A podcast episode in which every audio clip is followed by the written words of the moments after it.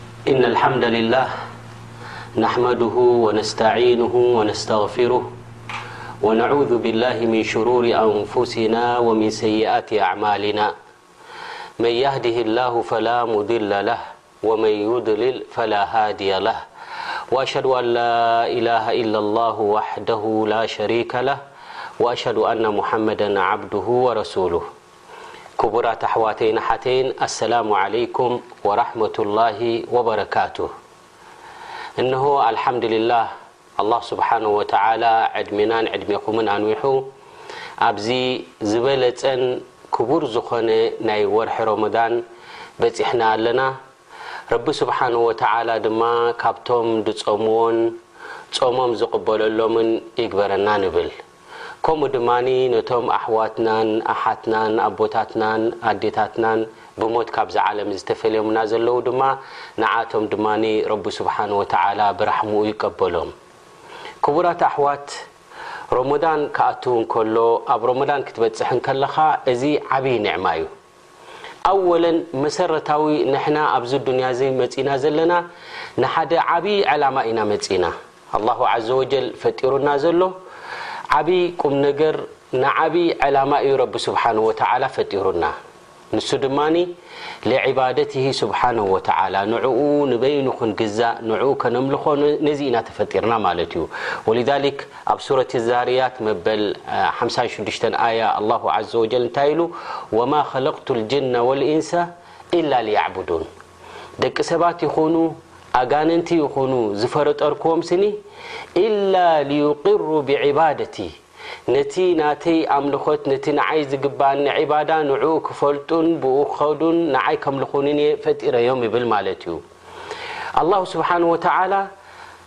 ኩላትና ኣብዚ ኣዱንያ ዘለና ማለት እዩ ኩሉ ብዚ ዓለም እዚ ዘሎ ኩሉ ፍጡር ናይ ረቢ ሱብሓነሁ ወተዓላ እዩ። ገለ ሰባት ኣለዉ ነቲ ዝተፈጠሩሉ ዓላማ ብኡ ዝጓዓዙ ብኡ ዝኸዱ ኣለዉ። እዚኣቶም ሕራይ ኢሎም ዝተቐበሉ ማለት እዮም። ነቲ ዝተፈጠሩሉ ዓላማ ኣብኡ ይኸዱ ኣብኡ ይጓዓዙ ኣለዉ። ገለ ድማ ካብቲ ረቢ ሱብሓነሁ ወተዓላ ዝፈጠሮም ዓላማ ድማ ድወጹን ዝሓንከሉን ድማ ኣለዉ ማለት እዮም። እዞም ካብቲ ዒባዳ ናይ ረቢ ስብሓነሁ ወተዓላ ወጺኦም ዘለዉ ብዘይ ስራሕ እዮም ተሪፎም ዘለዉ። ስለዚ ናብቲ ረቢ ስብሓነሁ ወተዓላ ዝፈጠረና ኩላትና ክንምለስ ግዴታና ዋጅብና እዩ ማለት እዩ። ምኽንያቱ ንዑ ኢና ተፈጢርና ዘለና ማለት እዩ። እንተ ካብ ዒባዳ ናይ ረቢ ስብሓነሁ ወተዓላ ወጺኡ ሓደ ሰብ ግን እዚ እንታይ እዩ ኮይኑ ዘሎ ማለት እዩ? ነቲ ዝተፈጠረሉ ዓላማ ብኡ ኣይከይድን ኣሎ ማለት እዩ። እምበኣር ኣላህ ስብሓን ወተዓላ ፈጢሩና ኣላህ ስብሓን ወተዓላ ካብዚ ኮን እዚ ቦታታት ኣሎ ፍልይ ኣቢሉ ዝመረፀሎ ምክንያቱ ናቱ ዩ ድላዩ ዝመርፅ ረቡና ዓዘ ወጀል ካብ ደቂ ሰባት ፍልይ ኣቢሉ ዝመረፆም ነቢያት ዝኾኑ ደቂ ሰባት ዝሕብሩ እውን ኣላ ስብሓን ወተዓላ ከሊቁ እዩ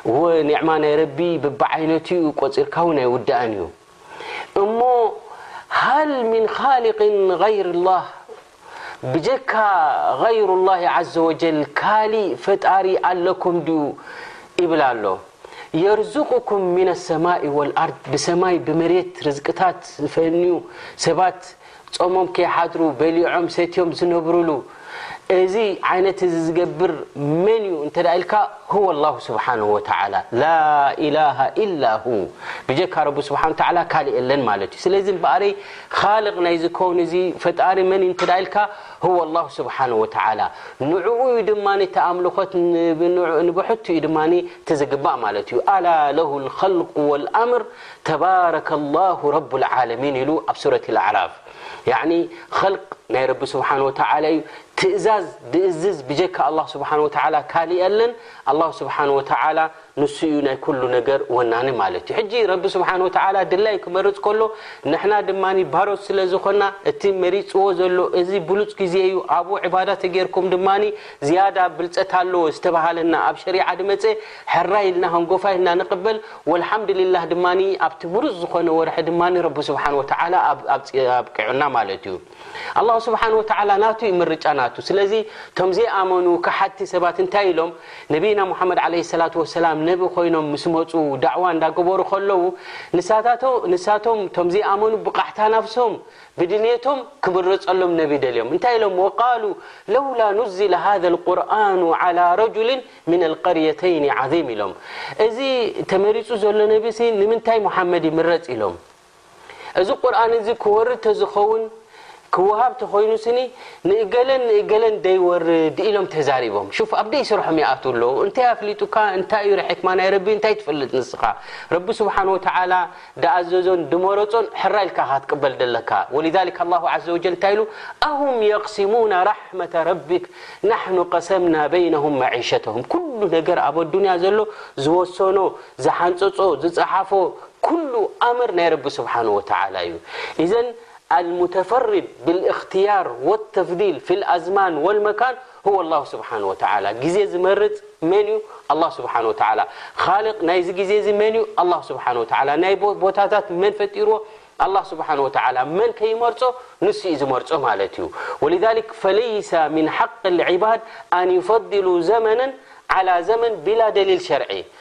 ዝኾነ ይኹን ሰብ እገለ ወርሒ ስኒ ብልጽቲ'ያ ወይ እገለ መዓልቲ ዝበለጸት'ያ ክብል መሰል የብሉን ማለት እዩ። ምኽንያቱ እዚ ሓቂ ናይ ረቢ እዩ ስብሓነሁ ወተዓላ። እዚኣ ትበልጽ ኢሉ ትእዛዝ ዘመሓላልፍ ሰብ እዚ ኣብ ጌጋ ኣብ ዘይቅኑዕ እዩ ዘሎ። ምኽንያቱ ምምራጽ ናይ ረቢ ስብሓነሁ ወተዓላ እዩ። ስለዚ እምበኣረይ ካብዚ'ውን እንታይ ክንርዳእ ንኽእል ማለት እዩ፣ ዝኾነ ይኹን በዓል ከነኽብር ተኾይንና፣ እዚ መዓልቲ እዝስ ፍቱው እዩ ክንብል እንተ ደኣ ዀይንና፣ ናይ ግድን ኣብ ሸርዒ መርትዖ ክህልወና ኣለዎ ማለት እዩ።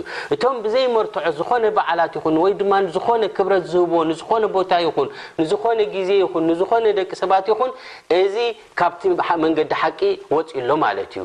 እምበኣር መዋሲም ናይ ኸይራት፣ ግዝያት ኸይር ዝስርሓሉ፣ ኣላህ ስብሓነሁ ወተዓላ በብእዋኑ፣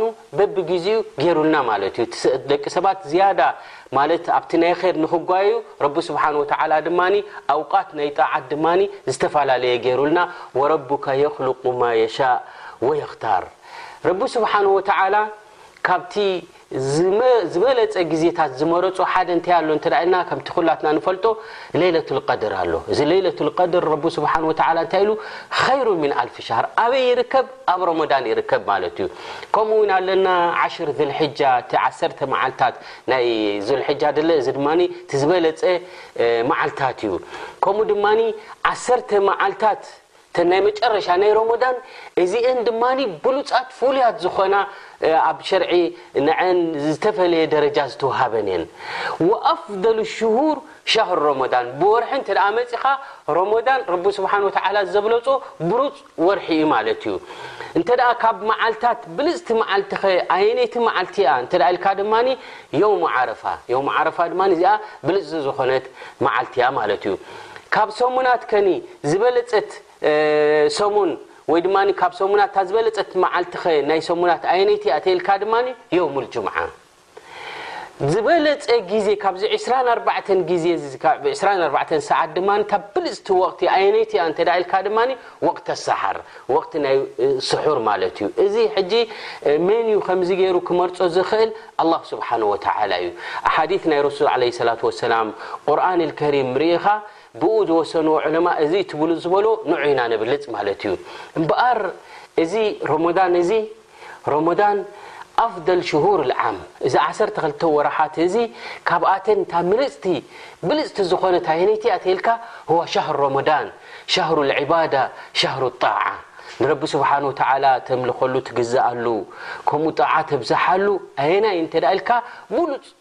ዝያዳ ማለት ነብስና ቀጥ ኣቢልና ዒባዳታት ከነብዝሓሉ ዘለና ኣበይ እንተ ኢልካ ኣብ ሸህር ሮሞዳን እዩ ምኽንያቱ ህያብ ናይ ረቢ መቕፊራ ናይ ረቢ ብዙሕ እዩ ዘሎብኡ ማለት እዩ እንሻላ ረቢ ስብሓን ወተዓላ ዕድሜናን ዕድሜኹምን ከንውሖ መጃልስ ሻህር ሮሞዳን ዝብል ናይ ሸክ እብኒ ዑሰይሚን ንዑ እናረኣና እናገለፅና ድማ ዝያዳ ዕብየቱን ብልፀቱን ናይ ወርሒ ሮሞዳን ክንርኢና ማለት እዩ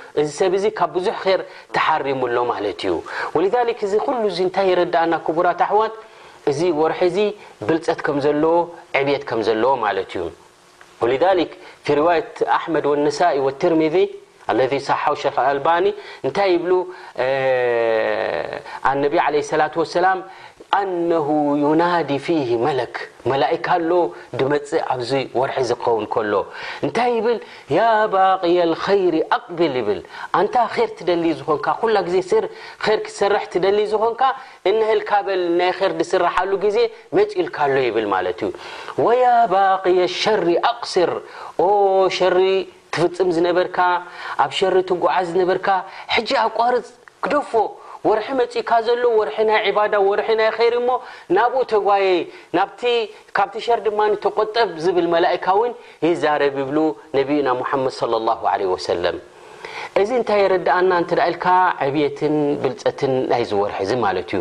ከምኡ ስለ ዝኾነ፣ ናይዚ ወርሒ እዚ ዕብየት ናቱ ስለ ዝፈልጡ ድማ እቶም ቀዳሞት ዝነበሉ ዝነበሩ ማለት እዩ ረሒመሁሙላህ ያዕሪፉነ ለሁ ቀድረሁ ወርሒ ሮመዳን ክመጽእ ከሎ ፍሉይ ዓይነት እዮም ዝኾኑ ነይሮም ማለት እዮም። ወኣሕዋለሁም ፊሂ ዓጂባ ኩነታት ናታቶም እንተ ርኢኻ ቅይር ዝበለ እዩ ዝኸውን ነይሩ ማለት እዩ። ሮመዳንን ዘይሮመዳንን ሓደ ዓይነት ክትከውን የብልካን። ሸህሩ ጣዓ ፍልይ ዝበለ ግዜ ክትረክብ እንከለኻ ኣብኡ እጅትሃድ፣ ጻዕሪ፣ ከተካይድ እዩ ዘለካ ማለት እዩ።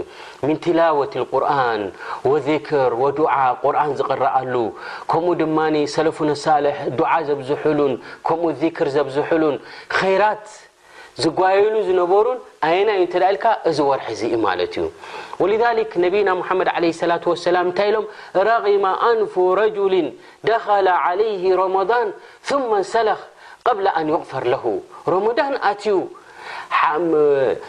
ግዜ ናይ መቕፊራ እንከሎ ነዚ ናይ መቕፊራ እዚ ከይተቐበለ ወይ ኣብዚ መቕፊራ እዚ ከይኣተወ ወርሒ ሮመዳን እንተ ወፂኡ ስኒ ረቒማ ኣንፉ ኢሎም ሪቃም እንታይ ማለቱ እዩ ሓመድ ማለት እዩ ኣብ ሓመድ ኣፍንጭኡ ይለወስ ኣብ ሓመድ ያኒ ሓመድ ሒዙ እዩ ተሪፉ ደሎ ወላ ሓንቲ ፋይዳ ዘይብሉ ኮይኑ ተሪፉ ኣሎ ማለት እዩ እንታይ እዩ እዚ ወርሒ ሮሞዳን ኣትዩ ክኣቱ እንከሎ ፍሉይ ኢኻ ክትከውን ደለካ ዝያዳ ናብ ሻህር ሮሞዳን ክመጽእ እንከሎ ክንጓየ ዝግብኣና ማለት እዩ ካብቲ መዛያ ወይ ፍሉይ ዝገብሮ ነዚ ሮሞዳን እዚ እንታይ እዩ እንተ ኢልካ ሓዲት ናይ ነብይና ሙሓመድ ዓለይሂ ሰላቱ ወሰላም ዓጂብ ዝኾነ ኣሎ። ዝያዳ ድማ ኣብቲ ዝቕጽል ኣርእስታት ክንገልጾ ኢና። እንታይ ይብል ረቡና ዓዘ ወጀል ኣብ ሓዲት ኣልቁድሲ ማለት እዚ ጾም እዚ ሲር ምኻኑ ሚስጢር እዩ ኣብ መንጎ ፈጣሪኻን ኣብ መንጎ ኣላህ ስብሓን ወተዓላን ኣብ መንጎ ባርያን ዝተርፍ እዩ ማንም ሰብ ኣይፈልጦን እዩ። ሕጂ ሙምኪን ገለ ቀድም ኣቢልና ስላድ ዝሰገድና ኣለና።